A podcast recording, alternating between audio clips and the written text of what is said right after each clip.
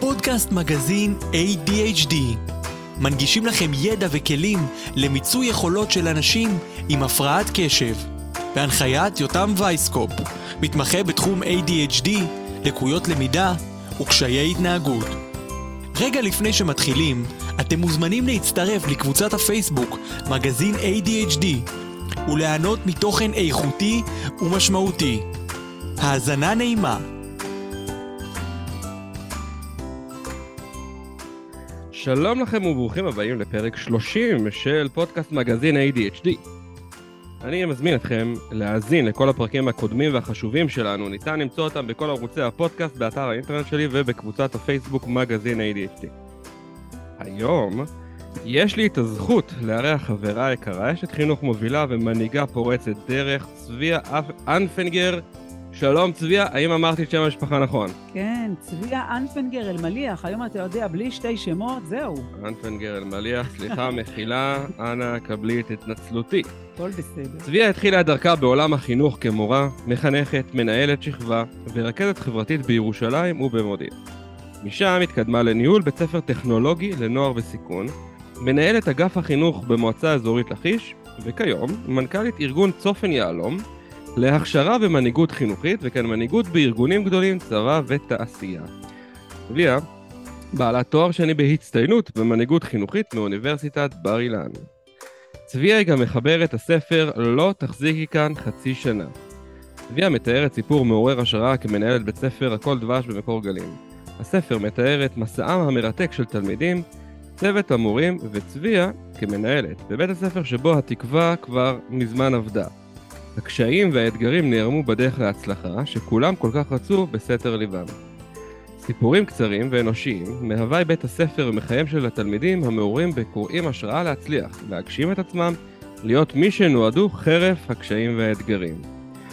אז שוב שלום לך צביה יקרה ותודה שלך שהסכמת להצטרף אלינו לפרק פודקאסט זה. בשמחה רבה, כיף שהזמנת. צביה, אנחנו ככה מכירים כבר הרבה שנים ביחד, ואנחנו מדברים וחולמים ביחד וחושבים ביחד. והיום באמת חשבנו שהגיע הזמן לארוז בככה חבילה אחת כל התפיסה החינוכית והמנהיגותית שלך, הן בעולם החינוך, ובאמת גם העולם אה, אחר כך של בתי הספר, אה, של, של בתי הספר ושל התעשייה, ושל באמת מה, מה שקורה בחברה, אנחנו נקרא לזה. נכון. ו- והייתי רוצה ככה לפתוח בשאלה שהיא ראשונה, שהיא קצת קשה. ובאמת נדבר על זה בצורה פתוחה עד כמה שניתן, עד כמה שניתן, כן. אוקיי. באמת את אשת חינוך אה, אה, מובילה. מה, מה בעצם קורה לנו במערכת החינוך? צביה, מה, מה קורה שם? מה שקורה לנו בחינוך בעצם זה מה שקורה לנו בחברה. כי החינוך לא מנותק מהחברה. הרי מה, מה, אנחנו מדברים תמיד על חינוך כמשהו חיצוני. מה קורה למורים? מה קורה לתלמידים? ואני אומרת, השאלה זה מה קורה לנו. כי מי זה המורים? המורים זה אנחנו. ומי זה התלמידים? אלו הילדים שלנו, הנכדים שלנו. את מי אנחנו שולחים לבית ספר? זה לא אנשים מנותקים. מדברים תמיד על חיילים. החיילים זה משהו מחוץ לי? החיילים זה הילדים שלי. זאת החברה שאני בעצמי לפני עשרים שנה גידלתי, הריתי, אנחנו ההורים, אנחנו המורים, אני... זאת אומרת החינוך הוא חלק אינטגרלי מהחברה, ואתה רוצה לבדוק מה קורה בחינוך, זאת מראה, תסתכל על החברה, רק מה קורה בחינוך. לפעמים החינוך, זה אני תמיד אומרת, זאת אונייה כזאת גדולה ששטה בים, קשה לה להזיז חרטום. אז היא קצת ב delay, ולפעמים צריך לעשות fine tuning. עכשיו באמת, אם אפשר, אתה אומר שאלה קשה, שאלה קשה, תשובה קצת מורכבת, ואם תרשה לי קצת להתעכב, אז בואו נראה מה קורה לחברה שלנו. מה קורה לנו בחברה? והחברה הזאת החדשה, כמו שקוראים לה, כולנו אוהבים להגיד, אנחנו בעולם חדש, החברה היא חדשה. מה קורה בחברה? מה קרה לחברה? כמה דברים קורים בחברה. קודם כל, החברה הזאת היום לפעמים מגדלת בדידות, עושה בדידות. קורה שאני מסתכלת, אני מסתכלת על תלמידי בית הספר, אני מסתכלת על המורים, ובכלל, על חיילים שאני עובדת איתם הרבה, או קצינים, אנחנו חיים בעולם קצת בודד. למדנו נורא מהר להסתמס, האגודלים עובדים נורא נורא מהר, אבל אנחנו בעצם די לבד. כי כשאתה יושב מול מכשיר, אתה לא יושב עם אנשים, אתה יושב מול מכשיר. כשאתה שולח סמיילי, אתה יכול לשלוח סמיילי, אבל אתה יכול לבכות מאחורה. זה שאתה שולח סמיילי זה נחמד. אז אנחנו חיים בעולם שהוא עולם קצת בודד. אני תמיד אומרת, ילדים מגיעים הביתה, נכנסים, רוצים לאכול ארוחת צהריים, באים הביתה, אפילו יכול להיות שאימא או אבא בבית, אבל היא בנייד. ואבא הוא בדיוק איתך, אבל הוא לא איתך כי הוא בנייד. ואז אתה יושב ואוכל ארוחת צהריים, אתה לא באמת אוכל את ארוחת הצהריים, אתה לבד עם הנייד. אז אנחנו קצת גדלים בחברה שמטפחת בדידות, חברה כללית, לא רק חברה ישראלית, בכלל חברה שמטפחת איזשהו, שיש איזשהו סוג של בדידות, אנשים בודדים בחברה. יש היום על זה הרבה שירים ככה, אם נמצא, אה, אה, אה, אני בין מיליוני אנשים ולגמרי לבד. שכחתי את המנגינה, הייתי שרה את זה עכשיו. טוב, אני יודעת, אוקיי, שלא ירד גשם. זה צריך להיות מקורי, מקורי. אוקיי, בסדר. זה לא היה לנו שלא עדיין. ירד לנו גשם, אני אשיר. אני אומרת, אוקיי, אנחנו נמצא שיר ונשאיר אותו פה יחד, כי אנחנו אוהבים לשיר. ולא אכפת לנו שירד גשם, זה טוב לנו, בעולם שמתחמם. אני אגיד לך. מה, איך אני רואה את מה שקורה בתוך המערכת. רגע, לא סיימתי, אבל רק, רק אני אומרת, זאת נקודה אחת, היא הבדידות. מחילה. בדידות, ותכף אני אה, סוגרת את זה, ואז בנוסף, יש איזושהי תחושה שאומרים לאנשים, הכל עליך, אתה יכול, בוא, זה אתה העניין, העניין זה אתה, ואתה, איך, איך אמר? yes I can, אני יכול לעשות את זה, אמר את זה אובמה, yes we can, אנחנו מדייקים yes I can. איך אימא אומרת לילד, היא שולחת אותו לזרוק זבל והוא חוזר, והיא אומרת לו, "בוא, המלך שלי, היא קוראת לו המלך שלי. ואני אומרת, אם ילד הלך, מי- מי קוראת לו? לא הבנתי. האימא אומרת לילד, לך תוציא, לך תוציא את הפח. אוקיי. הילד מוציא את הפח והוא חוזר ואומרת, "אה, כל הכבוד לך מלך שלי. באותו רגע, הילד מיצה את כל... הוא לא צריך לעשות יותר, הוא הפך להיות מלך ברגע זה, בכיתה ד', הוא הוציא את הפח. רגע, את בעצם אומרת שזה לא בסדר. אני אומרת שזה לא בסדר, אני אומרת שזה אה, אוקיי. עולם שהוא אינדיבידואליסטי, ואני אומרת, אתה מסתכל על עצמך, אתה הכל, ואני אומרת, בואו נירגע שנייה, לא עליך הכל. לא אתה יכול לעשות הכל. כשאתה הופך להיות אינדיבידואל והכל עליך, זה קצת חסר, זה הופך להיות קצת עולם חסר משמעות. כי מה זה בעצם להיות משמעותי? להיות שייך למשהו שהוא גדול ממני, שאני מחובר אליו, אז אני הופך להיות משמעותי בעולם כזה, אבל כשהכל עליי, אני הופך להיות קצת חסר משמעות, והעולם הזה הוא עולם של חסר משמעות, הכל שטחי, הכל רדוד. אפרופו, תסתכל על הפרסומים, הכל בטיק טוק, הכל, הכל קורה מהר, הכל שטחי. הרי מה זה טיק טוק? אני לא בדיוק מומחית בזה.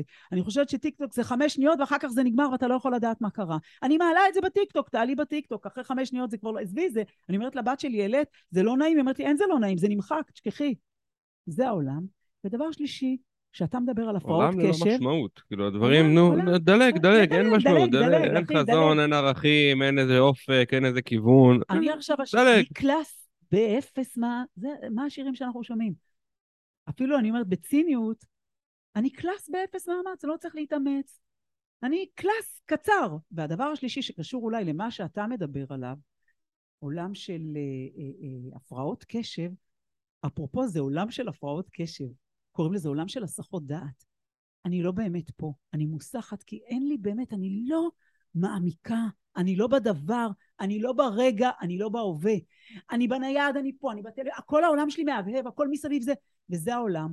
ואפרופו החינוך, החינוך, והחינוך צריך להסתגל לאיזה מין עולם חדש ולשאול את עצמו היום, אוקיי, בעולם הזה, ואני העליתי את הדברים שאני רואה אותם בעין שלי, יש להם נקודות חיוביות, אני רואה גם נקוד, את הנקודות הפחות טובות, ואני אומרת, הופה, אנחנו אנשי החינוך, אנחנו ההורים, אנחנו המנהיגים, אנחנו המנהלים של הארגון הזה, מה אנחנו רוצים?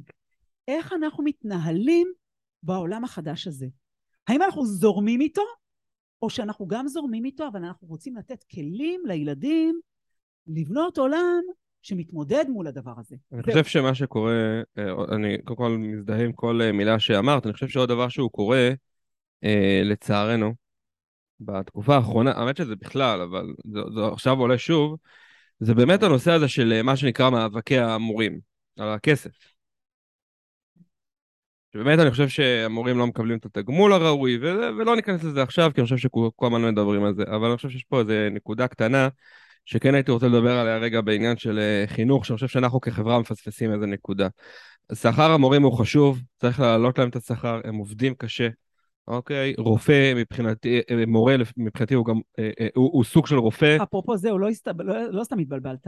אפרופו מורה, הוא סוג של רופא, הוא סוג, דרך אגב, מותר לי להוסיף לך משהו? הוא סוג של עורך דין, הוא סוג של רופא, הוא סוג של פסיכולוג, הוא סוג של מטפל. הוא ולכן הוא צריך באמת להיות אה, אה, מתוגבל כראוי. אבל פה לא הנקודה לדעתי שתפתור את העניין, גם אם עכשיו אנחנו כמורים נקבל שכר של 100 אלף שקלים בש... בחודש. אני חושב שהבעיה פה היא תפיסת החינוך באופן כללי. אני חושב שאנחנו צריכים להיות מאוד מודאגים מאיך שמערכת החינוך היום עובדת, מהתכנים שאנחנו היום אה, אה, מעניקים לתלמידים, משיטות ההוראה שהן ברובן לא רלוונטיות. אה, את יודעת מה, גם מבחינת איך שבית ספר אה, נראה, וגם מבחינת הנושא של הנה, אנחנו עכשיו לקראת בחירות, אז בטח יהיה שר חינוך חדש, ועוד פעם שינויים, ועוד פעם תפיסות, ועוד פעם מערכות ממוחשבות שצריכים לתת למנהלים, שגם ככה הם מוצפים בעבודה, אז יש להם את אה, מערכת גפן, ומערכת התשלומים, ומערכת השקדים, ומערכת העגבניות, וכל דבר יש מערכת. אין זמן באמת לחינוך, ובסוף גם מה עושים עם זה, כשהדבר מאוד חשוב שככה עולה לי, בראש, זה גם כל הוועדות גם שמריצים את הילדים ואת הכל, שכאילו חבר'ה, עצרו שנייה. לא ניתן לילדים האלה מענה בתוך בית ספר, זה יחזור אלינו הדבר הזה, עם ועדות ובלי ועדות. אז באמת, אם ככה היו שואלים אותי, אם הייתי שואל את עצמי מה הייתי, מה קורה לנו בעצם במערכת החינוך, אני חושב שמה שקורה לנו במערכת החינוך, כמו הרבה דברים במדינה, זה בלאגן אחד גדול שהלוואי, שיסדרו את זה בין היתר את שכר המורים, ויש עוד שלושת אלפים דברים אה, אה, נוספים. צבי, אני יודע שיש לך תפיסה חינוכית נורא נורא מעניינת בכל הקשור לנערים במצבי סיכון וגם בנושא של אה, ADHD, תשתפי אותנו קצת, זו באמת הזדמנות טובה לחבר את זה לספר שתכף אנחנו גם נרחיב עליו, זה לא, לא נדבר עליו עכשיו, זה יהיה ככה בהמשך, אבל כתב ספר לא תחזיקי כאן אה, חצי שנה, באמת הצגתי אותו בהתחלה ותכף נדבר עליו בהרחבה, אבל הוא מתאר באמת כל מיני תיאורי מקרה שיש. בואי, תראי, את ניהלת בית ספר, את ניהלת מחלקת חינוך, את ניהלת ועדיין מנהלת פרויקטים ברמה לאומית, את מובילה בתחום החינוך, את חיה חינוך, אוקיי? מה, ת, תספרי לי על התפיסה שלך רגע. אני נורא נורא רוצה ללמוד את התפיסה שלך. מה התפיסה החינוכית שלך? מה האמונה החינוכית שלך לנושא של נערים במצבי סיכון בכלל, ונערים במצבי סיכון עם ADHD בפרט? וואי, אמרת כאן עכשיו, יותם, כל כך הרבה דברים, שאני רוצה להתייחס אליהם, אליהם אחר כך. דיברת על שכר המורים, שאני רוצה לפתוח פה פתח, ואני שמה לי נקודה, נדבר עליה אחר כך, כי עכשיו שאלת אותי שאלה ספציפית.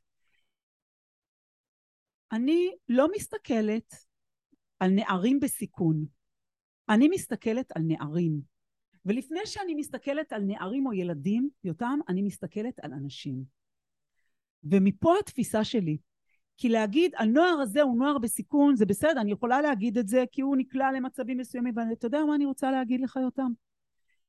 אני רוצה לרדת מתפיסה מתנשאת. אני רוצה להגיד לך שכל אחד מאיתנו בחיים היה פעם במצב סיכוני. אתה יודע שיש גיל שילד נכנס לגיל הזה, הוא נקרא נוער בסיכון. מבחינתי נער, מגיל 12 היום, אפילו לפני, היום, היום זה הולך אחורה, אפילו מגיל עשר או מגיל תשע הוא הופך להיות נער בסיכון. למה? למה אומרים שבעצם גיל ההתבגרות זה גיל סיכוני? כי יש לך המון המון כוחות פיזיים, זה הכוחות הפיזיים הכי חזקים שיהיו לך, ויש לך כבר, אתה חושב שאתה חכם ואתה יודע הכל, רק מה אין לך את ניסיון החיים. עכשיו זה הופך אותך לנער בסיכון. אני גם רוצה, אני גם חושבת שבן אדם נקלע במצבי החיים שלו, אתה יודע, אנחנו לפעמים מרגישים שאנחנו נורא חזקים ואנחנו נורא על הסוס ואנחנו ואנחנו ויש לנו כלים והכול, ופתאום מה שקורה לך בחיים, יותם, זה החיים. ואתה עומד מול שוקת שבורה וקורא חס ושלום, חס וחלילה, וכולנו מכירים את זה, גם אתה וגם אני. אפשר לחלוק? רק שנייה, שנייה, תכף אפשר לחלוק. אבל במשפחה. ואתה נכנס למצב אבל זה לא מצב סיכון, אני מדבר, זה בסוף איזה שהם משברי חיים. משברי חיים, שמעמידים אותך לפעמים במצב שהוא מצב קשה מול עצמך. אתה אומר, אני בן אדם מבוגר, למדתי, אני יכול להיות אפילו פרופסור, ואני נכנס פה למצב שאני לא מכיר, וזה הופך אותי לאדם בסיכון. בגדול, מה שאני רוצה להגיד לך, שאני מבינה את המקום שאתה מושך אליו, כי אתה באמת מומחה בזה. אבל אני רוצה לתת איזושהי ראייה אולי יותר הוליסטית, אני חושבת שכל אחד, היום רואים את זה בעולם החדש, כל אחד מאיתנו נמצא על איזה רצף. זה נכון שיש ילדים שהם על הרצף האוטיסטי ויש ילדים על הרצף של ההיפראקטיביות ויש ילדים על הרצף של ההפרעות קשב שהם חזק על הרצף, אבל קורה לנו בחיים ואני אומרת כל אחד מאיתנו שים את עצמך, אני אומרת למורים ואני אומרת להורים ואני אומרת למדריכים, גם אני באיזשהו מקום נמצאת על רצפים כי כולנו נמצאים, אז התפיסה שלי נובעת מזה, רק שנייה אני רוצה לדייק את זה שאנחנו כולנו אנושיים. שמצד אחד אנחנו כולנו על איזשהו רצף, והנוער בסיכון נמצא בקצה של הרצף, גם מבחינת גיל, גם מבחינת אה, אה, סביבה, גם מבחינת מה שקרה לו בחיים ומה שקורה לו בחיים, אבל מצד שני, וזה הצד הטוב, כולנו נולדנו מנהיגים.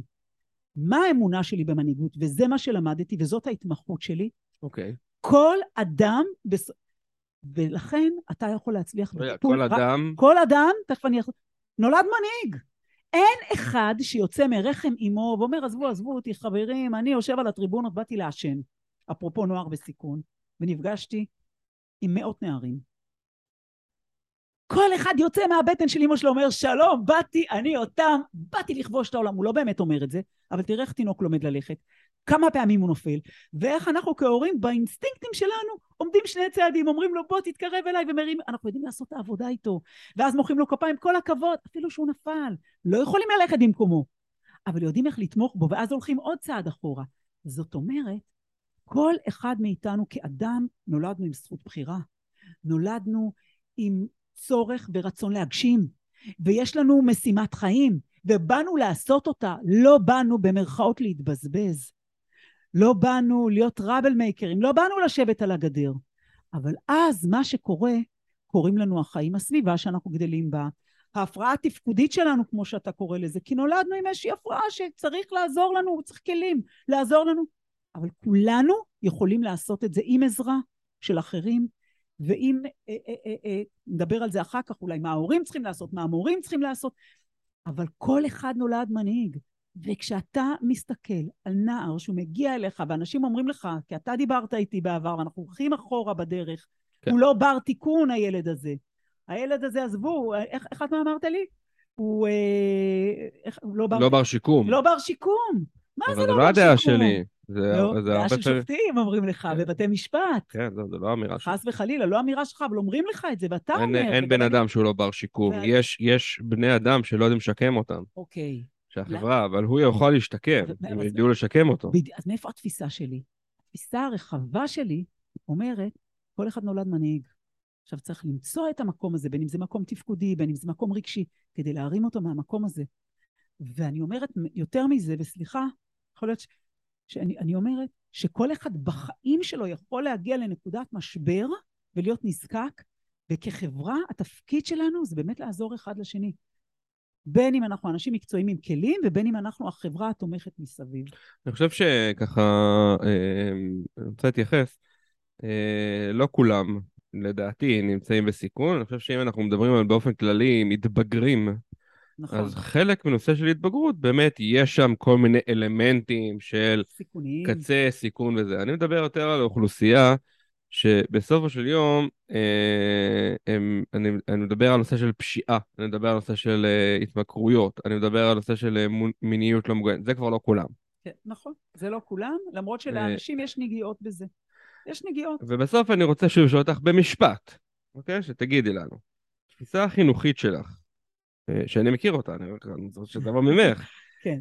התפיסה החינוכית שלך סביב הנושא של אה, אה, אה, התנהגויות תלמידים התנהגויות סיכון והפרעת קשב היא? היא שיש לכל אחד את היכולת להתגבר. כולם ברי שיקום, צריכים לתת, צריך לעבוד עם האנשים, הם צריכים אנשים, סביבים, אנשים אה, בסביבתם, אנשים שיש להם כלים ואנשים שיש להם יכולת לעזור, לסייע להם. ואני לא פורטת כאן את כל התורה, אבל אנחנו תכף נגיע לכמה טיפים שאפשר לתת לאנשים מסביב, כי אנחנו פה לא קורס מקצועי עכשיו של איך ללמד אנשים. צבי, את אישה נורא מעניינת, את יודעת את זה, זה לא... ספרי לנו איזה סיפור מעניין שהיה לכם איזה תלמיד, אה, נקרא, לא נקרא לו בסיכון, בסדר? בואי נקרא לו תלמיד שובבי. בבית ספר שלי, בבית ספר שלי, אה, זה מצחיק אותי שהילד... הגדרה שלא חשבתי עליה. אתה יודע, אתה יודע, הורים באים לאספת הורים, ויושב מורה ואומר, מה, אני לא יכול לדבר על הילד ככה וככה, זה מול ההורים שלו. אז באמת, הם משתמשים במילה שובב.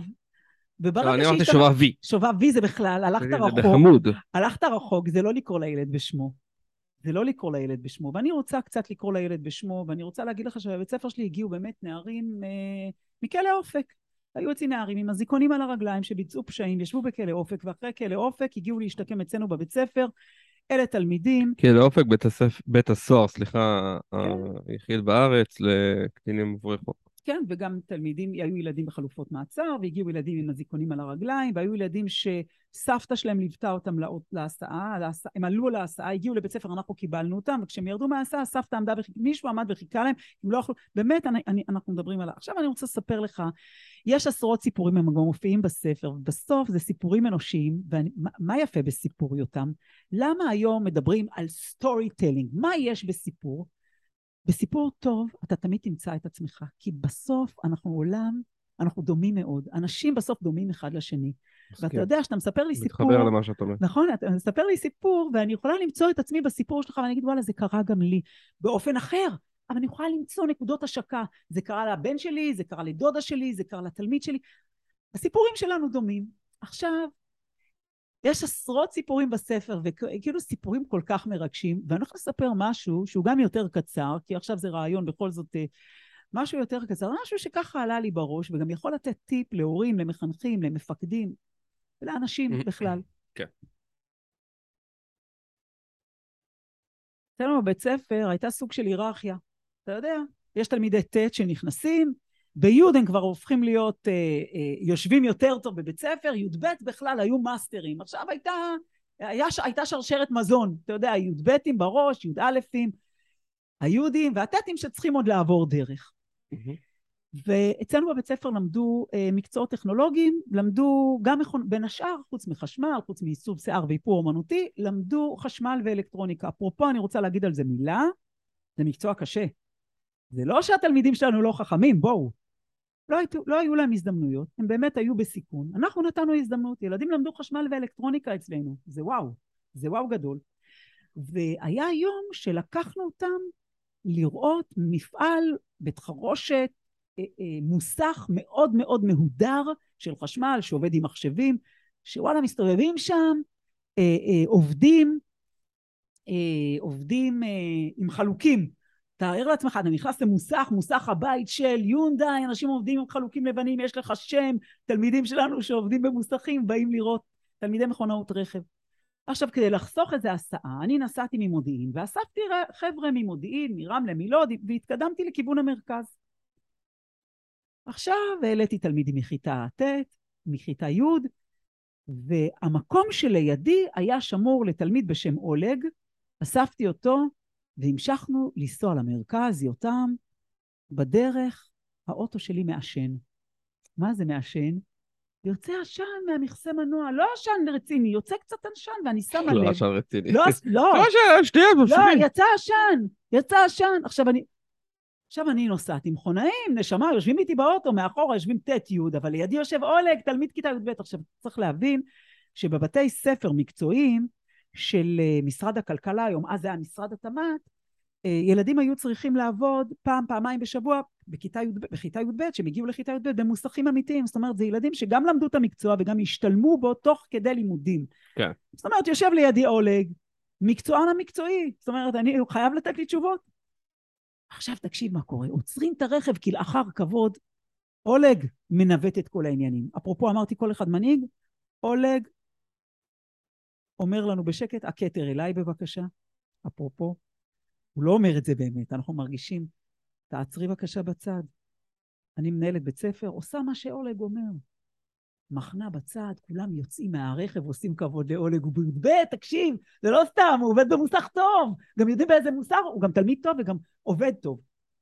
כולם עושים כבוד לאולג מתכופף. עכשיו רוצה לבדוק מאיפה זה מגיע. קוראים לזה דיאגנוסטיקה, אני עומדת בלחץ, שלא נפספס רק את היום הזה במרכז, במכון המפונפן של המכונאות רכב. אולג יורד על הברכיים, מתכופף, כולם בשקט, אין שקט כזה בשיעור, תבין, עכשיו מה אולג יגיד? אולג שם את האצבע, מסתכל, תואם. אומר, תקשיבי, אין בעיה, מטפטף לך קצת שמן על האגזוז, האגזוז פשוט מוציא עשן, אבל אין לך בעיה של מנוע, אפשר להמשיך לנסוע. אפרופו, מגיעים למוסך הגדול, עוברים יום שלם במוסך, הפיזור אותו דבר, אני צריכה לפזר את הנערים חזרה. אני מפזר את הנערים, או לגולה אחרון, יורד ראשון, אומר צביה, תקשיבי. עכשיו, האוטו מעשן, את צריכה לנסוע למוסך, אבל אין לחץ, בלי היסטריה.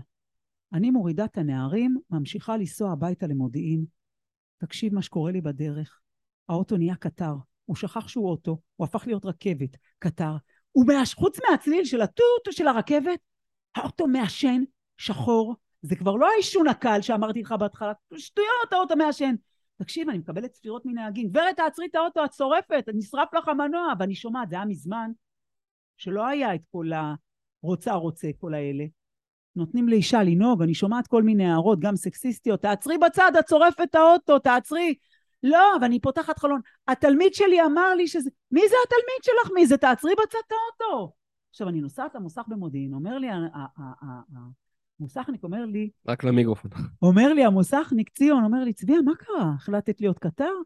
נתת לאוטו לאשר? אני אומרת לו, תקשיב, לא, מאיפה את נוסעת ככה? את חסרת אחריות? אני אומרת לו, תקשיב, תלמיד שלי, עכשיו, הוא מכיר את התלמידים. תלמיד שלי אמר לי שאין בעיה, זה רק השמן מטפטף על האגזוז, אז זה לא משהו של המנוע. הוא מסתכל עליי בחצי עין, כאילו הוא לא מאמין למה שאני אומרת. איך את... תגידי לי, נראה לך? כופף, בודק, לוקח לו עשר דקות. חוזר, מסתכל עליי, אומר לי, וואלה, תותח התלמיד שלך. צודק התלמיד שלך. ואני אומרת בלב שלי, ועכשיו שאני מספרת לכם את הסיפור הזה, אני דומעת. ואני אומרת לעצמי, בואנה, העולג הזה, תותח. ואני אומרת, מה זה הקטע של נוער בסיכון? הוא יכול להיות בסיכון, והוא יכול להיות עם הזיכון, אבל הוא מקצוען בזה. ואני סומכת עליו. אפרופו שאתה סומך על מישהו, אתה סומך אותו. לסמוך על מישהו זה להישען עליו, לסמוך אותו זה להעמיד אותו.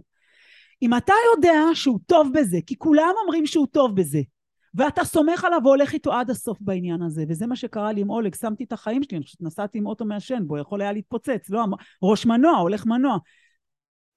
ואני שמחתי עליו, והאמנתי בו, והוא גם אמר לי בסוף, צבי התיסעי. זה לא סתם הסיפור הזה, זה לא סיפור סתם שהצלתי את הראש מנוע ונמנעתי מעשרת אלפים שקל תיקון. בכלל זה היה רכב עבודה. זה זה שאתה הולך עם מישהו, תלך איתו. ואם יש משהו שגילית שהוא טוב בו, תדבוק בזה ותתפוס את זה כאילו זה כל העולם, ותיתן לו גם להרגיש את זה, ותסמוך עליו, כי סמכת עליו בנקודה החזקה שלו, האמנת בו. כי מתוך, ש... מתוך המקום הזה, החזק שלו, הוא יצמח. סתם נכון. סיפרתי לך פה סיפור. זה סיפור אמיתי שככה דפדפתי עכשיו, הוא הקצר לא מבין הסיפורים. סיפור זה גם משהו שהרבה פעמים מתקשר לקונוטציה של סיפור שטויות, זה לא סיפור, זה אבן דרך מאוד משמעותית בהתפתחות גם המקצועית שלך בנושא הזה, באמת בראייה של הנערים האלה. אז באמת אה, כתבת אה, ספר שקוראים לו לא תחזיקי כאן חצי שנה. אה, ספרי לנו על הספר. אז אפרופו הספר, זה אפרופו... שיש לו כריכה נורא מעניינת. כן. בכריכה רואים, רואים את זה כאן? דרך אגב, רואים? אתה יכול להראות? אם מישהו יראה את הסרטון, אז הנה, זה, זה, זה הספר. רואים כיס בג'ינס, כי אפרופו הג'ינס, ובכיס יש חבילת סיגריות, כי התלמידים הגיעו לבית ספר, תמיד אני אומרת ככה בהרצאות, וזה, אף אחד לא מגיע עם תיק, אבל עם חבילת סיגריות, תלבושת אחידה חבילת סיגריות, צריך סיגריות, בכל זאת באים לעשן. בהתחלה כשנכנסתי לעבוד בית ספר אמרתי, אני לא מבינה מה מלמדים פה, מלמדים פה עישון, מה קורה עם הקטע של העישון פה? ומתוך הסיגריות, בעצם סיגריה אחת נראית חצי סיגריה, בעצם עיפרון. כי יש משהו אחר שקורה לאנשים. עכשיו, השם של הספר זה לא תחזיקי כאן חצי שנה, כי כשנכנסתי לבית ספר אמרו לי, בואי נשמה, את נראית מה זה נחמד, קופצנית, את באמת אישה נחמדה, נראית כמעט בת שירות לאומי. ככה, וואלה וזה. עכשיו, אני רוצה להגיד לך, אמר לי אחד המורים הרציניים, אפרופו מורה לחשמל, אחד, מור... אחד ממורי החשמל הטובים בארץ, אם לא הטוב שבהם, מותר להגיד שמות? מיכאל מזיאר, מורה לחשמל מעולה. אמר לי, את לא תחזיקי כאן חצי שנה. עכשיו, למה הוא אמר לי, את לא תחזיקי כאן חצי שנה? הוא אומר לי, למה אני אומר לך? לא בשביל לשבור אותך, חס וחלילה. פשוט, אתה יודע שיש קטע כזה שיוצאים בני זוג יחד, ואז מישהו רוצה להיפרד, אז הוא אומר, תשמעי, נשמה, זה לא את, זה אני. אז הוא אומר, שתדעי שזה לא את. בבית ספר הזה לא מחזיקים מעמד. את המנהלת, אני לא יודע איזה מספר שמתחלפת פה בשנתיים. כאילו, ובמילים אחרות אומר לי, למה מה יש בך? מי את שתצליחי פה? והוא אמר לי, את לא תחזיקי פה חצי שנה, גם את לא תחזיקי, וכשזה קורה, כי את באמת לא תחזיקי פה, וכשזה קורה, אל תקחי את זה על עצמך, אל תיפגעי. אז מראש אני אומר לך, זה לא את. המסגרת פה, לא, אי אפשר להצליח במסגרת הזאת. עכשיו, יש פה באמת, בספר הזה, סיפורים אנושיים, שכמו שאמרנו... כמה זמן החזקת שם בסוף? חמש ממש, שנה? חמש וחצי שנים. אה, לא חצי שנה. לא חצי שנה, ניצחנו Mm. בהתערבות. ואפרופו, אפרופו זאת מסגרת שבאמת קשה להחזיק בה, ואתה רוצה לדעת אם מסגרת כזאת עובדת, או כל מסגרת, או כל ארגון עובד, ארגון צריך התמדה. ארגון צריך התמדה, צריך אנשים מתמידים. כשאתה נכנס למסגרת שהיא מסגרת מורכבת, ואתה רואה שהראשים שלה, המנהיגים שלה והאנשים שלה עובדים מתמידים שם, תדע שיש שם משהו טוב. והספר מורכב באמת מסיפורים אנושיים, אבל זה לא סתם סיפורים, זה סיפורים שיש להם בסוף, כמו שסיפרתי קודם, סיפור קטן מהחיים. יש איזושהי נקודה שאני יכול לקחת לעצמי כקורא, שנותן לי איזושהי השראה של לעשות משהו נכון בדרך, גם לעצמי וגם לאחרים. נותן לי איזשהו היילייט, מאיר אצלי משהו, מפיל אצלי איזשהו אסימון מול הילדים שלי, מול התלמידים שלי, מול העובדים שלי בארגון, מול החיילים שלי בצבא, וגם בעיקר יותם, משהו מה זה חשוב? מול עצמי. אתה יודע, יש משפט בקהלת רבה שמדבר על מורים, שבסוף המשפט הזה אומר, אדם אחד מאלף. הוראה, בקהלת רבה אמרו לי, זה מדבר על מי שמורה הלכה. אבל מורה, מה הוא מורה בעצם? הוא מורה הלכה. מה זה הלכה? זה איך אני הולך, איך אתה הולך את החיים. כשאתה מורה, בכל, בכל, בכל דבר, גם מה שאתה עושה אותם אתה מורה. כשאתה מורה, אתה גם מורה, אתה מורה דרך. אתה... זה אדם אחד מאלף. זה להיות אדם אחד מאלף. עכשיו, מה זה להיות אדם אחד מאלף? להיות אדם אחד מאלף זה קודם כל להטמיע בי, להאמין בעצמי.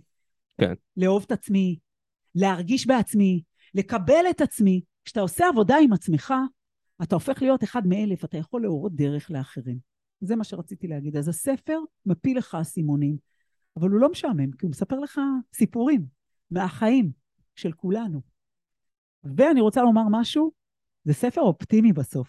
כי כמו שאמרת, אין, אין אחד שהוא לא בר שיקום, כולנו ברי שיקום, וכולנו מנהיגים. וזה הדבר, זאת, זה הדבר הגדול שאני באה להגיד, אני רוצה שאנשים יצאו מפה בתחושה הזאת. שתמיד יש מה לעשות, ושזה בידיים שלנו, ויש במי להיעזר. אוקיי. איך משיגים את הספר? קונים אותו, אפשר לרכוש אותו דרך האתר של צופן יהלום, אפשר להזמין אותו דרך הוואטסאפ שלי, אני אשלח אותו, נביא אותו, אין שום בעיה. איך אתה פרקטי, אה? לא חשבתי על זה, זו לא שאלה ששאלנו מקוד, מראש, רותם, לא התכוננתי. אני אוריד את זה בעריכה. אה, צביה. כן. תגידי, כל היכרותך עם מערכת החינוך, מה המקום של ההורים בסיפור הזה של מערכת החינוך? וואו, זה קטע, המקום של ההורים.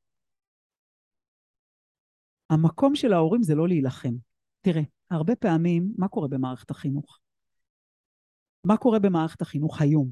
שלא היה מקובל, נגיד, יותם לפני 40 שנה.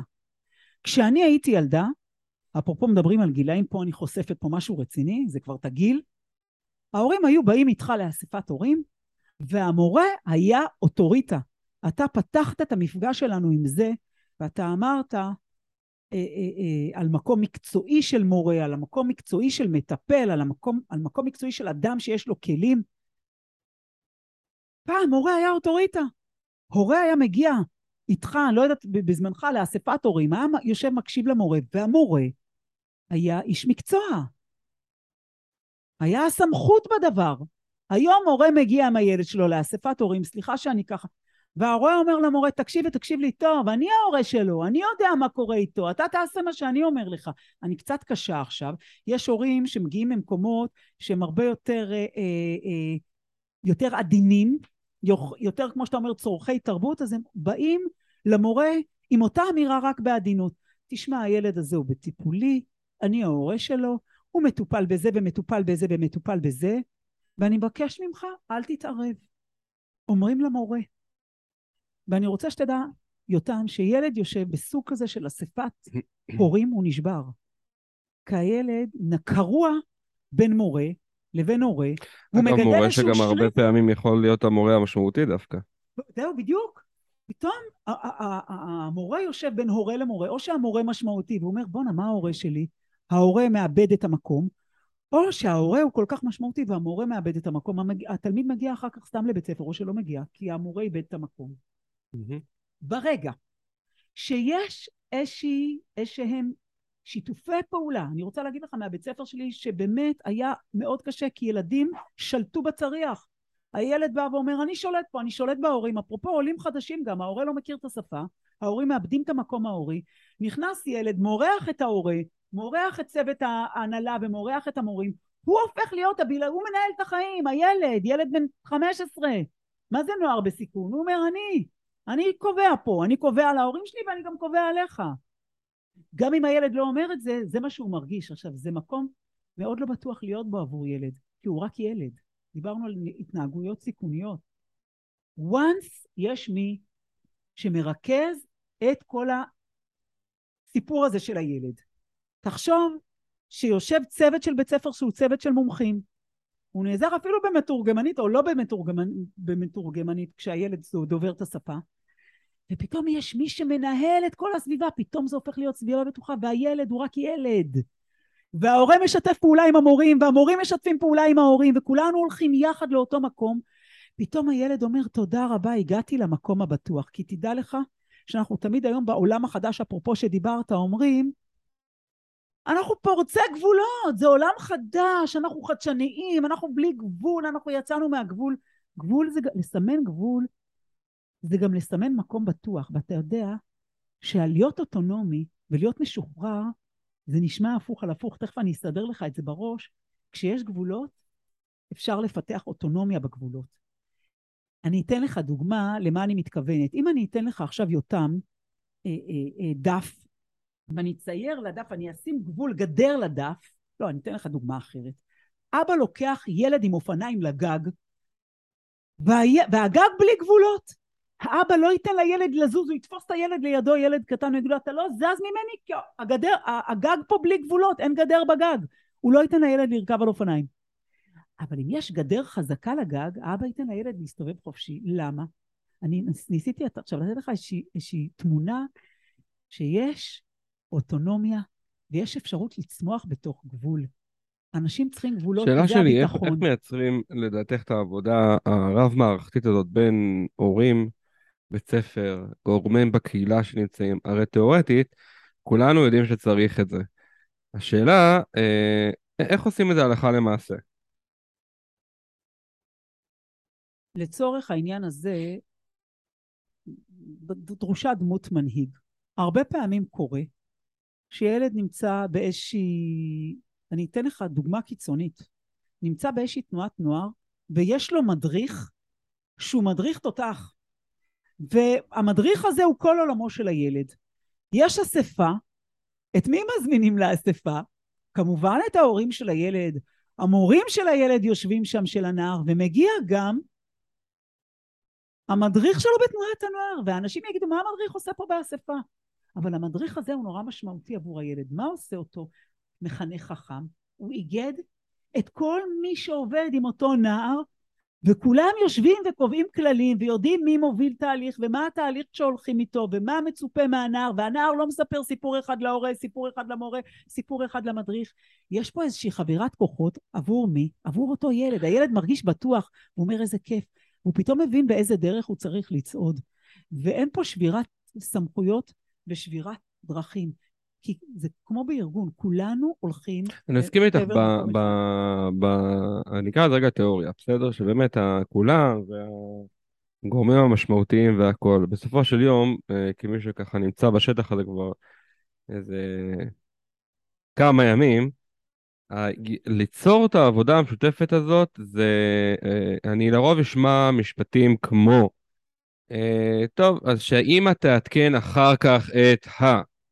אוקיי? וכשמגיעים ומעדכנים את ה, אז אותו ה, לאו דווקא רוצה לשמוע את זה, כי הוא לא היה מעורב, אני לא קבלן ביצוע של מישהו. מעדכנת כמו שהיא חוותה. כמו שהיא חוותה. והילד הוא ילד בסיכון, מסתבר שגם ההורים במצב סיכוני. זאת אומרת, תקשיב, ילד שבא במצב סיכון, הוא לא בא במצב סיכון לבד, הוא בא מסביבה, הוא בא מההורים שאולי אין להם זמן, וגם ההורים לא בדיוק, זאת אומרת, גם ההורים צריכים פה עזרה ותמיכה.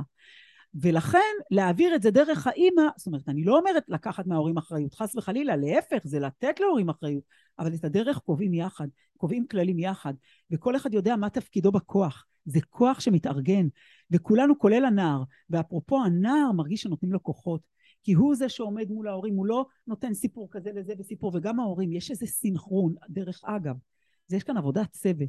תמיד אני נותנת דוגמה של עבודת צוות, שעבודת צוות טובה היא עבודה בסינרגיה, שכולם זורמים עם כולם, והאוסף הזה של לקוחות יוצר כוח מאוד גדול. אני מאמינה בזה גם בארגונים.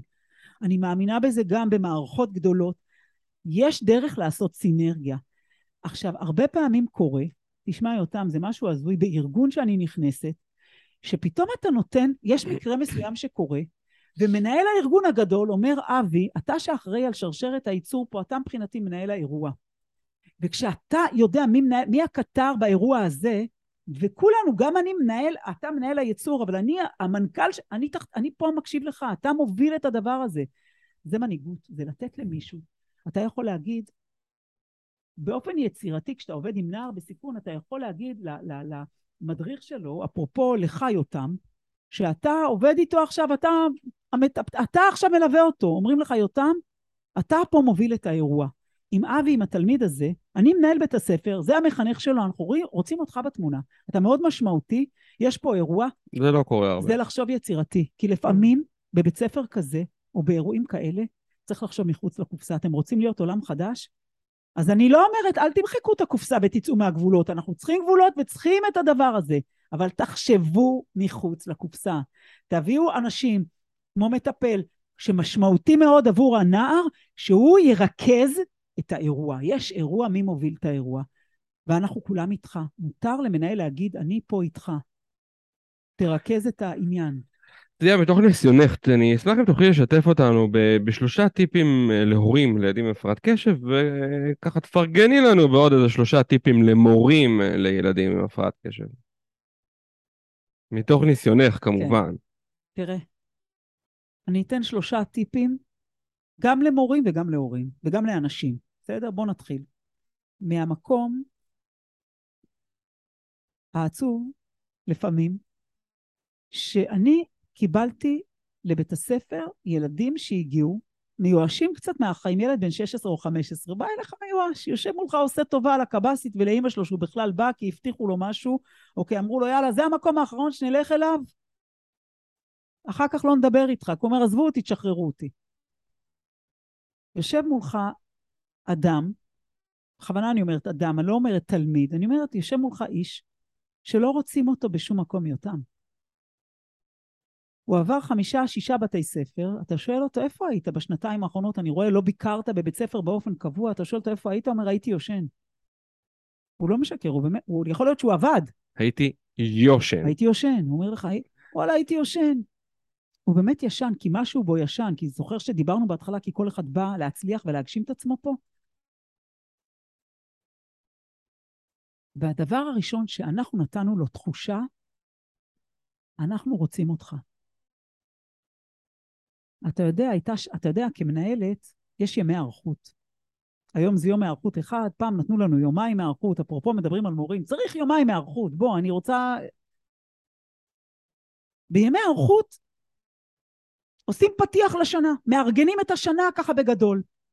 ואני הכנתי תורה סדורה, הכל היה כתוב לי, אבל אז, לפני יום ההיערכות, קרה מקרה שדיברו עליו כולם בחדשות, אני לא יודעת אם אתה זוכר, היה רצח נוראי ומזעזע של איזושהי ילדה, שאדל, מי שזוכר, שמצאו את גופתה אחר כך, ממש סיפור מזעזע, במזוודה, בירקון, ו... זה היה סיפור שלא יכולתי להתעלם. לא הכנתי את זה מראש, אבל פתחתי ואמרתי למורים, תראו, עכשיו תתחיל השנה. בראשון לספטמבר, אז אנחנו כולנו נהיה בעשייה, כי זה מה שבאנו לעשות, אנחנו נדבר עם מורים ונכעס על תלמידים ונאהב תלמידים ונעמיד בזה ונעשות את זה ונכתוב בתיק אישי ונז... הכל נהיה בעשייה ונלמד ושיעורים ומפגשים. אני רוצה שנייה לפני שמתחילים שנה, שנבין מה אנחנו עושים פה. אין ילד שאנחנו לא רוצים אותו. הילדה הזאת, אדל, שמה שקרה לה והדבר הנורא הזה שלא רצו אותה ושמצאו דרך להעלים אותה, בואו נזכור שאנחנו רוצים את הילדים. והטיפ הראשון שאני רוצה לתת פה לאנשים זה תרצו את הילדים. אתה יודע, לימדו אותי פעם בפסיכולוגיה שיש תמונה שהיא תמונה אה, אה, אה, אה ראשונית בסיסית. ילד נולד, האימא שלו מקבלת אותו, אולי נשלח אחר כך בקבוצה, יש איזה מבט שהאימא מסתכלת על הילד, זה מבט של ללא מילים, והילד הוא רק בן יום, בן שעתו, שעה ראשונה, הוא מרגיש משהו שרוצים אותו, הוא מרגיש שהוא פלא. נולד ילד לעולם, מסתכלים עליו במבט של איזה כיף שהגעת לכאן, זה מבט של אור, כל כך רציתי אותך, איפה, איזה כיף, באת לעולם, אתה כל כך רצוי. זה המבט הראשוני. היכולת שלך כהורה, כמורה, כמטפל, כאדם, לשחזר את המבט הזה מול ילד, אנחנו רוצים אותך, איזה טוב שבאת. זה הטיפ הראשון שאני נותנת לכל הורה, זה טיפ בלי מילים. זה טיפ, זה טיפ רק של להסתכל על הילד שמגיע אליך, נגיד, לטיפול יותם, שהוא נכנס פה בדלת. זה הטיפ הראשון, אנחנו רוצים אותך. אנחנו רוצים... אתה... להסתכל עליך ב... כ... טוב, ש... טוב שבאת לפה. איזה כיף שבאת, אנחנו רוצים אותך. עכשיו זה עושה היפוך, כי זה מראה לאדם, זה מזכיר לבן אדם גם מה אני רוצה להשיג פה, גם אני רוצה. גם אני רוצה להיות אהוב. זה מדהים. זה עושה פלאים, תנסו את זה, אתם תראו שרק המבט הזה ורק החשיבה התודעתית, זה לא חשיבה, זה חשיבה בתת מודע שלך. אני רוצה את הילד הזה. קשה לי, קשה לי איתו, הוא יכול להיות בסיכון, הוא יכול להיות עם הזיכרון, הוא יצא מכלא אופק, הוא... אבל אני רוצה אותו, זה א'. זה טיפ אחד. מסכים איתך מאוד. טיפ שני. הטיפ השני זה טיפ של אה, למצוא נקודה טובה. אין אדם בעולם, או אין דבר בעולם שהגיע לפה ביקום. אתה יודע, יש משפט שהבעל שם טוב אמר, היום שבו נולדת זה היום שהחליטו שאי אפשר בלעדיך. אתה מביא לפה משהו שאין לאף אחד אחר. לכל אחד יש נקודה שהיא נקודת חוזק. היום שבו נולדת? הוא היום שהחליט, שהיקום החליט שאי אפשר בלעדיך. אני לא מצטטת את זה במדויק, אנחנו נביא את הציטוט המדויק לטובת הקוראים. זאת אומרת, הגעת לפה כי העולם לא יכול להיות בלעדיך, כי אתה מביא משהו שאין בעולם. טביעת אצבע, נכון? כל טביעת אצבע היא טביעת אצבע שונה. גם אתה כאדם באת עם טביעת אצבע שונה. אפרופו, כל ארגון יש לו טביעת אצבע, הוא צריך לגלות את זה, הוא מביא ערך מסוים. תגלה את הערך הזה. איזה ערך אתה מביא כאדם, איזה ערך אתה מביא כארגון. כל בן אדם בא עם טביעת אצבע מיוחדת לו, כל בן אדם בא עם חוזקה מסוימת. עכשיו הוא נוער בסיכון, עכשיו הוא בן אדם במשבר, אבל עדיין יש לו את הדבר הזה שהוא מביא. עכשיו, ברגע שגילית, אני תמיד אומרת מורה טוב, או מטפל טוב, או, או מנהל טוב, או מנהיג טוב, עושה מיפוי. מה זה מיפוי? הוא מסתכל ואומר, בואנה, זיהיתי את הבן אדם הזה, יש לו יכולת ארגון. בואנה, זיהיתי את התלמיד הזה, יש לו יכולת דיוק. בואנה, זיהיתי אותו, יש לו יכולת מנהיגות, הוא יכול לאסוף את כל החבר'ה, עד עכשיו הוא היה מנהיג רע. זאת אומרת, כשאתה קולט את הבן אדם, ההורה יודע לעשות את זה. עכשיו אני רוצה לדבר שנייה על זה, תן לי על זה, כי זה מאוד חשוב. אימא אומרת על הבן שלה, נמאס לי כבר, אני לא יכולה, הוא כל הזמן ביקורתי. ואני רוצה לתת לך טיפ, אימא. הביקורת הזאת שיש לילד שלך, את זיהית אותה מעולה. עכשיו תהפכי את זה. תגידי, בואנה, זה בגיל 40 הולך להיות מבקר המדינה. הוא הולך להיות עורך דין. הוא רואה כל באג. מה עושה מורה טוב? הוא לא אומר, הילד הזה כעסן, אין לי כוח בשבילו. הוא לוקח את הנקודה הזאת של הכעס, והוא אומר, בואנה, הילד הזה יש בו אש. הוא הולך להיות המורה הכי טוב בארץ, אני הולך לטפח את המקום הזה. זאת אומרת, תגלה את הנקודה החזקה אצל האדם. זה הטיפ השני שאני נותנת. תגלה את מקור החוזק, אל תסתכל על זה כנקודה שלילית. תהפוך את זה לנקודה החיובית. אתה יודע שכל תכונה, יותם, אתה יודע, אתה גם מלמד את זה, יש לה שני צדדים. אתה עובד עם מנהיגים שהם מנהיגים של חבורות רחוב. תגיד לי, מנהיג כזה לא יכול להיות מנהיג חיובי בפוליטיקה? הוא לא יכול להוביל אנשים... נער שסוחר, לא, נער שסוחר בגיל 13 בסמים, והוא מצליח והוא מרוויח יותר ממה שאת ואני מרוויחים תגיד, ביחד. תגיד, הוא לא יכול להיות איש עסקים שמוביל משהו עזבי, הוא יכול להיות מנהל, מנהל שיווק של החברה. הוא יכול להיות מנהל בית ספר. סליחה. הוא יודע שיווק יותר ממה שכולנו יודעים ביחד. זה מה שאני אומרת. עכשיו, תגלי אימא, תגלי מורה, תגלי בן אדם, תגלה בארגון את נקודת... יש לך עובד פשוט שהוא מקום אחרון, למה הוא מקום? תגלה נקודת חוזק. אם אתה תיצמד לנקודה הזאת, מתוך המקום הזה תדע לך, אתה מעלה את הבן אדם, והוא הופך להיות מספר אחד.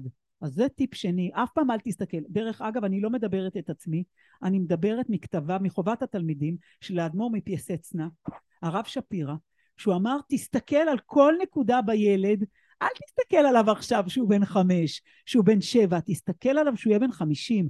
אתה תראה את הנקודה הזאת כנקודה מאוד חזקה אצלו, והוא יכול להוביל בחברה. אפרופו, יש, יש, סליחה, סליחה. צביה, אני- אני- אין לנו עוד הרבה זמן, והטיפים, היינו צריכים להתחיל בטיפים. אז זהו. אז אני- רגע, תני לנו עוד משהו, עוד משהו. ועוד טיפ, טיפ נוסף, אל תיקח את העבודה מהבן אדם. זה משהו שאני עוד לומדת, שאני לא חזקה בו. תמיד אנחנו רוצים כבוגרים, כיודעים, אני אעשה את זה יותר טוב. תן לי, זה יהיה לך קשה. תמיד אנחנו חוסכים מאנשים את המאמץ, נכון? אנחנו אומרים, את זה למדתי מהילדים שלי. הם אומרים לי, את לא יכולה לעשות את הדרך במקומנו. את לא יכולה לעשות את הדרך במקומנו. את יכולה לתמוך בנו, את יכולה לשים מזרון אם ניפול, את יכולה לרכך נפילה, את יכולה לתת לנו טיפים, לעזור לנו לטפס את ההר. את לא יכולה ללכת במקומי. אנחנו תמיד מפחדים על הילדים שהם שבירים, באמת שבירים.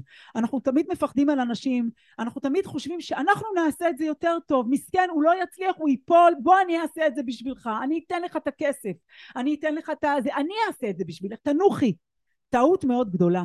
למה? תמיד אני אומרת, אנחנו גם בעולם החדש לא רוצים שאנשים יתאמצו. טעות.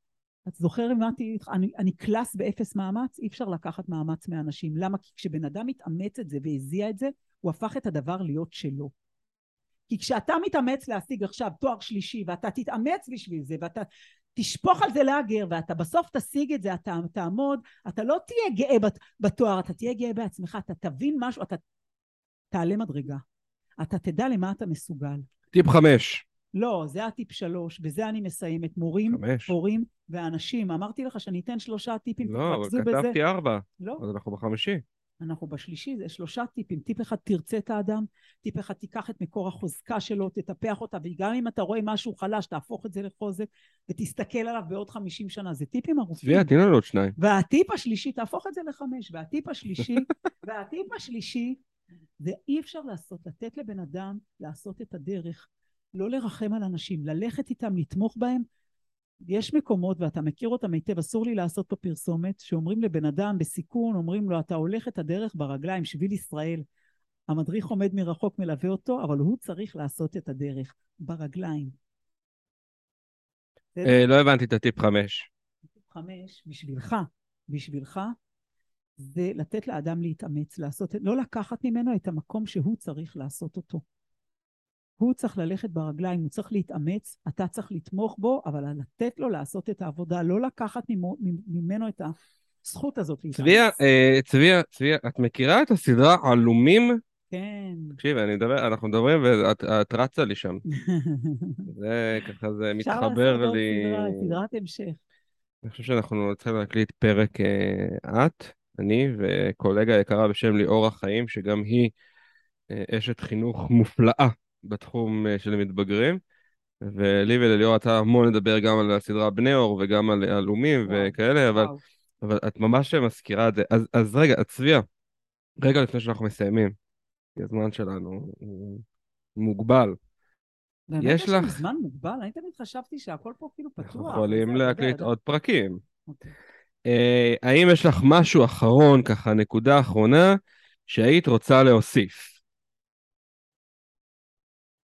שלושה דברים, אני תמיד אומרת, רגע, שהיית לשים- רוצה כן, להוסיף, כן, ואז אנחנו מאתגרים אותך. זה לא היה בתוכנית, אבל יש אתגר. כן, האתגר היה לתת לנו טיפ נוסף. אוקיי. אוקיי, אז טיפ נוסף, הנה אתגור מאוד רציני. אני אעשה, נולדנו- אני אעשה רקע. טו טו טו טו לא. אתה לא צריך לעשות רקע. אנחנו באנו לכאן, כל אחד, יותם, כל אדם. אתה יודע, פעם אמרו על ילדים מגיל אפס. היום אומרים, אין דבר כזה מגיל אפס. מרגע שאדם נולד, יש דבר אחד שהוא רוצה. הוא רוצה להיות משמעותי. בן אדם, כל אדם רוצה להיות משמעותי. כל אדם רוצים לה, רוצה להיות, להביא ערך. וכולנו כחברה, הדבר שאנחנו הכי רוצים לקנות, רמז, זה לא איזה בגד בזארה למרות שבא לנו או בגד במקום אחר או איזה משהו טעים, אנחנו רוצים, אנחנו מסתובבים בעולם יותם ורוצים לקנות ערך. אנחנו גם מוכנים לשלם על זה הרבה, מוכנים להשקיע בזה. כל אחד הגיע לכאן, הוא רוצה להיות משמעותי, הוא רוצה לתת ערך, הוא רוצה לקנות ערך, הוא רוצה להרגיש שבאיזשהו מקום הוא בא להגשים את עצמו, והוא בא לעשות תפקיד, לעשות שליחות. ברגע שאנחנו נזהה את זה אצל אנשים וניתן להם את המקום הזה, לנערים, לילדים, לילדים בגן, לעובדים, לחיילים, לחפ"ש, לחייל הזה שעכשיו הוא יתגייס, לכל אחד, ברגע שנבין שכמונו, שאנחנו רוצים להיות משמעותיים, כל אחד רוצה להיות משמעותי, זה טיפ מאוד גדול. נסתכל על אנשים אחרת, יותם, נסתכל על אנשים אחרת. כשאני יושבת מול ילד, ואני אומרת, תראי, הוא רוצה להיות משמעותי, ויש לי מה לקנות ממנו. תסתכלי עליו כמו אדם שיש לו מה למכור לך, אפילו שאת בגיל כזה ויש לך תואר כזה, עזבי שטויות, יש לך מה לקנות ממנו. דיברנו על ההוא שהוא, דיברת על ההוא שהוא סוחר? יש לך מה לקנות ממנו? יש לי מה להסתכל עליו מהצד, יש לי מה לקנות ממנו. זה הופך אותו למשהו אחר, הוא משמעותי. כשאדם הוא משמעותי, זה דבר ענק. זה טיפ. זה טיפ. אז משהו ככה לקצרה לסוף שאת רוצה להוסיף, את יכולה להמיר את זה בטיפ נוסף. עכשיו הגזמת. באתי עם היילייט כזה, אתה לא תוריד את זה, אני לא אתן לך, זה הדבר. חברים, זה הדבר. אז באמת, זה לסיום, לסיום, אחרי אנחנו לא נסיים. אני רוצה לומר משהו, אני באמת, אני אומרת, אני ראיתי ילדים, אני ראיתי ילדים שנכנסו מחוקים, ראיתי עובדים ששמו מפתחות, ראיתי מורים, היום זה, דרך אגב, היום זה, החברה מתמודדת עם זה, באים אליי מנהלים מאוד גדולים, אומרים, עובדים באים, שמים מפתחות, ילדים לא רוצים להגיע לבית ספר, מורה ותיק בא, אומר, עזבי אותי, מורים חדשים עוזבים את המערכת. אנשים מחפשים משמעות. האדם מחפש משמעות, בוא תשמע משהו. הישן, הישן זה החדש החדש. הישן, יותם, זה החדש החדש, לא ברמת הטכנולוגיה. הטכנולוגיה והכלים הטכנולוגיים השתנו ואנחנו הולכים לפריצות דרך. בקטע של אנשים, בקטע אנושי, בקטע של בני אדם, בקטע של, של אדם מול אדם, בקטע של ערכים אנושיים, של אמפתיה, של הזדהות, יש דברים בסיסיים. יש דברים שלא משתנים. וזה משהו שצריך לדבוק בו. והאדם תמיד יחפש משמעות. אפרופו, המשולש של מאסלו, לקח אותו ויקטור פרנקל והפך אותו. אמר, לא בן אדם קודם כל מחפש ביטחון, אם אין לו ביטחון הוא יחפש אוכל, אם אין לו אוכל... הבן אדם מחפש משמעות, הוא מוכן, איך אמר ויקטור פרנקל? הוא מוכן להיות רעב. הוא מוכן, במחנות ההשמדה, הוא מוכן, הביטחון שלו, אין לו ביטחון פיזי. אבל ברגע שיש לו משמעות, זה מה שמחזיק אותו. וזה כשבן אדם מגלה שיש לו ערך לתת ושזקוקים לו, כל ילד, כל אדם, תהיה זקוק לו, תמצא את המקום החזק שלו, נתנו את זה, אמרנו את זה, עטפנו את זה. נתנו שלושה טיפים ואמר, ונתנו את הכותרת. ושנמשיך להיות משמעותיים. בסך עכשיו משפט חכם לסיום. אין משפט חכם לסיום, אני יכולה משפט מצחיק לסיום. יאללה. דקליל. רוצה להמיר את זה בטיפ? דקליל עכשיו. ליה, מבקש להודות לך. באמת על הפרק המאוד משמעותי הזה. Uh, תראה, צבי, אני רוצה להגיד לך משהו. אני אגיד, ואם תגידי לי אחר כך שזה לא היה במקום, אני מבטיח לערוך את זה ולחתוך את זה טוב. אתמול, לא, מתי זה היה? לפני יומיים דיברנו בטלפון וקצת דיברנו על ההקלטה של הפרק פודקאסט. את מקשיבה שם ביציאה? יש פה אורחת. לא תקשיבי למה שאני אומר. לא הצגנו אותה, לא יודע אם זה מותר או לא, אבל טוב. אז תקשיבי שם, לא נגיד מי את. תראי צביה. את אישה מאוד חכמה. את יודעת שאני גם מאוד אוהב אותך. יש לנו קשר שהוא מצוין. אני רוצה לשכנע אותך שאת אישה עם ADHD. לא יעזור לך. אה, קיבלתי חיזוק מאחורה, אז אכלת אותה. אה, קיבלת חיזוק? אתמול, אה, לפני יומיים, היא אומרת לי, תקשיב, יותם, אה, אני לא ADHD, אני רק היפראקטיבי. עכשיו, ניסיתי להסביר לה שהיפראקטיביות זה חלק מ-ADHD. צביה, תקשיבי, את ADHD, אובחנת כרגע. אני חושב שבזכות ה-ADHD הזה, את מביאה כאן דברים שבאמת, הם, הם, הם מדהימים. אני חושב, אני, אני אגיד משהו, אבל אני, אני בטוח שיש אנשים שיפרשו את זה לא נכון. אבל לא ניסחתי את זה לפני, אז אני אגיד את זה פשוט איך שזה. אני חושב, את יודעת מה אני אגיד ואת תנסחי. אני חושב שאת בזבוז לעולם החינוך, שאת באיזה בית ספר פה ומעבירה השתלמות פה ובצבא פה וזה, את בזבוז. אני חושב שרת החינוך. קודם כל, אני מבקשת לא להוריד את זה בעריכה. עכשיו אני רוצה לומר משהו על מה שאמרת. רגע, לא סיימתי. אוקיי, לסיים בבקשה, כי ניהלת- ADHD, אני חייבת פה להכניס משהו. תראי אותה, היא דיברה חייבת טיפים טיפים, משהו. אומרת לי לסיים. יותר אה, מדי לסיים, יש לך עוד משפט אחד, אני רוצה להגיב ולא לשכוח, אני רושמת לעצמי. בבקשה. אנחנו לא נגיד איפה, בסדר? את ניהלת במשך מספר חודשים ארגון גדול מאוד, אני לא... אנחנו לא נגיד איפה, בסדר? אוקיי. אה, הארגון שאני מאוד אוהב, וגם את מאוד אוהבת, וזו האוכלוסייה שאנחנו מתעסקים, ארגון גדול. החזקת מספר חודשים. אחר כך המשכת לדרכך לפרויקט יותר גדול, יותר משמעותי, ו... אני חושב בדיעבד שזה חבל שלא המשכת שם, כי הגישה שאת מביאה, ניסיתי ללמוד את זה בהתחלה, אבל דיברת בהתחלה הרבה, כאילו, הבאת את כל האוצר בסוף, אבל לא, לא נורא, בסדר. תמיד אני- אתה יכול לערוך את ההתחלה. אני. חושב, לא, אני לא עורך. אני חושב שהסוף הזה, שדיברת עליו, אני גם, כפי שבטח ראית, כתבתי את הדברים, ואני אתמלל את זה בתיאור המילולי של הפודקאסט שלנו.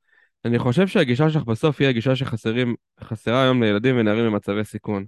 מדברים הרבה על הנושא של איך לתקן אותם, ולא מדברים בכלל על איך לראות אותם. מה מה יש לתקן פה? הם מתוקנים. תקשיב, אני רוצה, עכשיו אני רוצה להגיד, ראשית, לא להוריד בעריכה. אני חושבת שחשוב שישמעו. דבר שני, אני רוצה להגיד לך, אני לא מאובחנת, אבל בין אם יש לי או בין אם אין לי, זה בכלל לא משנה. אני מחזירה אותך לתחילת השיחה, כולנו פה על איזה רצף. אם בן אדם חושב שהוא נולד, שהוא כולו בנקודת אפס והכל אפי אפי ג'וי ג'וי, הוא מתבלבל. כולנו על איזה רצף, וזה בסדר להיות על רצף. האנשים הגדולים ביותר שהגיעו לעמדות מפתח ומניעים פה גלגלים, ודווקא בעולם ההיברידי החדש הם זקוקים, זה אנשים עם עם, אה, שיש להם איזושהי הפרעת קשב, אז הם, לא, אז הם יודעים לעבוד בצורה היברידית. אז אני מקבלת את זה. אני רוצה שתבינו זאת לא קללה, אני רוצה שתבינו זאת ברכה, אני רוצה שתבינו שמורה שיושב מול תלמיד כזה, שיש לו גם וגם וגם וגם, הוא אומר וואלה זה חולש על מיליון דברים בבת אחת. אני שם אותו קודם כל ועד כיתה, הוא מסדר לי פה את העניינים. אז קודם כל, לא רוצ... אנחנו לא מתקנים אנשים.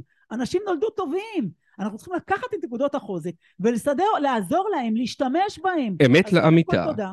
אז קודם כל תודה רבה על מה שאתה אומר. לסיום, לא לסיום עכשיו, זה היה חשוב לי להגיד. צבי, אנחנו צריכים לסיים. כל סיכוי, תיקח את המילה סיכון, אני לא אוהבת סיכון. הסיכוי נמצא בסיכון. אפשר תמיד לשבת, לא להיות בסיכון, ולהיות הכל בסדר, ולגדול בעולם אה, אה, אה, טפלוני, לא לגעת בשום דבר, וככה פשוט, אה, ככה להתחיל ככה. בכל סיכון, זה לא משנה. תיקח היום את עולם הנדל"ן שכולם מדברים עליו, בכל סיכון יושב סיכוי. תחתוך את הנון, תוריד אותה, יושב שם הסיכוי. שם זה יושב. אל תגיד לי נוער בסיכון. התחלתי את השיחה, אמרתי לך, כולנו פה ושם בחיים, החיים מזמנים לנו להיות במשבר, ומשבר מכניס אותי למצב סיכוני. צבי, את מצטרפת רגע, לקהילת אז- המאובחנים? אז אני... רגע, יותם. תגידי רגע, כן או כן, לא? מצטרפת. ברוכים הבאים לקהילה, הצטרפו הצטרפה אלינו, הצטרפו אלינו מבוגרת בבקשה. מספר מיליון שבע מאות. טוב, אז צביה, סיימנו? אפשר לשים את אות הסיום? יש עוד מילה להגיד? להגיד לכולם שלום ותודה על ההקשבה. ו... ונהיה בקשר. קשה להיפרד, נכון? קשה להיפרד? אנחנו לא. נפרדים. אז באמת אני מבקש להודות לך, צביה יקרה, ולהודות לכם, חברים יקרים, שהאזנתם לפרק המאוד מאוד משמעותי הזה שלנו. אם הפרק הזה היה משמעותי, כמו שלי הוא היה משמעותי, אני אשמח אם תוכלו לשתף אותו, ובכך נוכל להרחיב את אה, מעגלי ההשפעה השונים שלנו בעולם הפרעת הקשב. אני חושב שבפרק הזה אנחנו יכולים להגיד בעולם בכלל. הפרעת הקשב ובעולם בכלל ובחינוך. תודה רבה, ואנחנו אה, נתראה בפרק הבא. צביה, תמתיני פה, לא ללכת.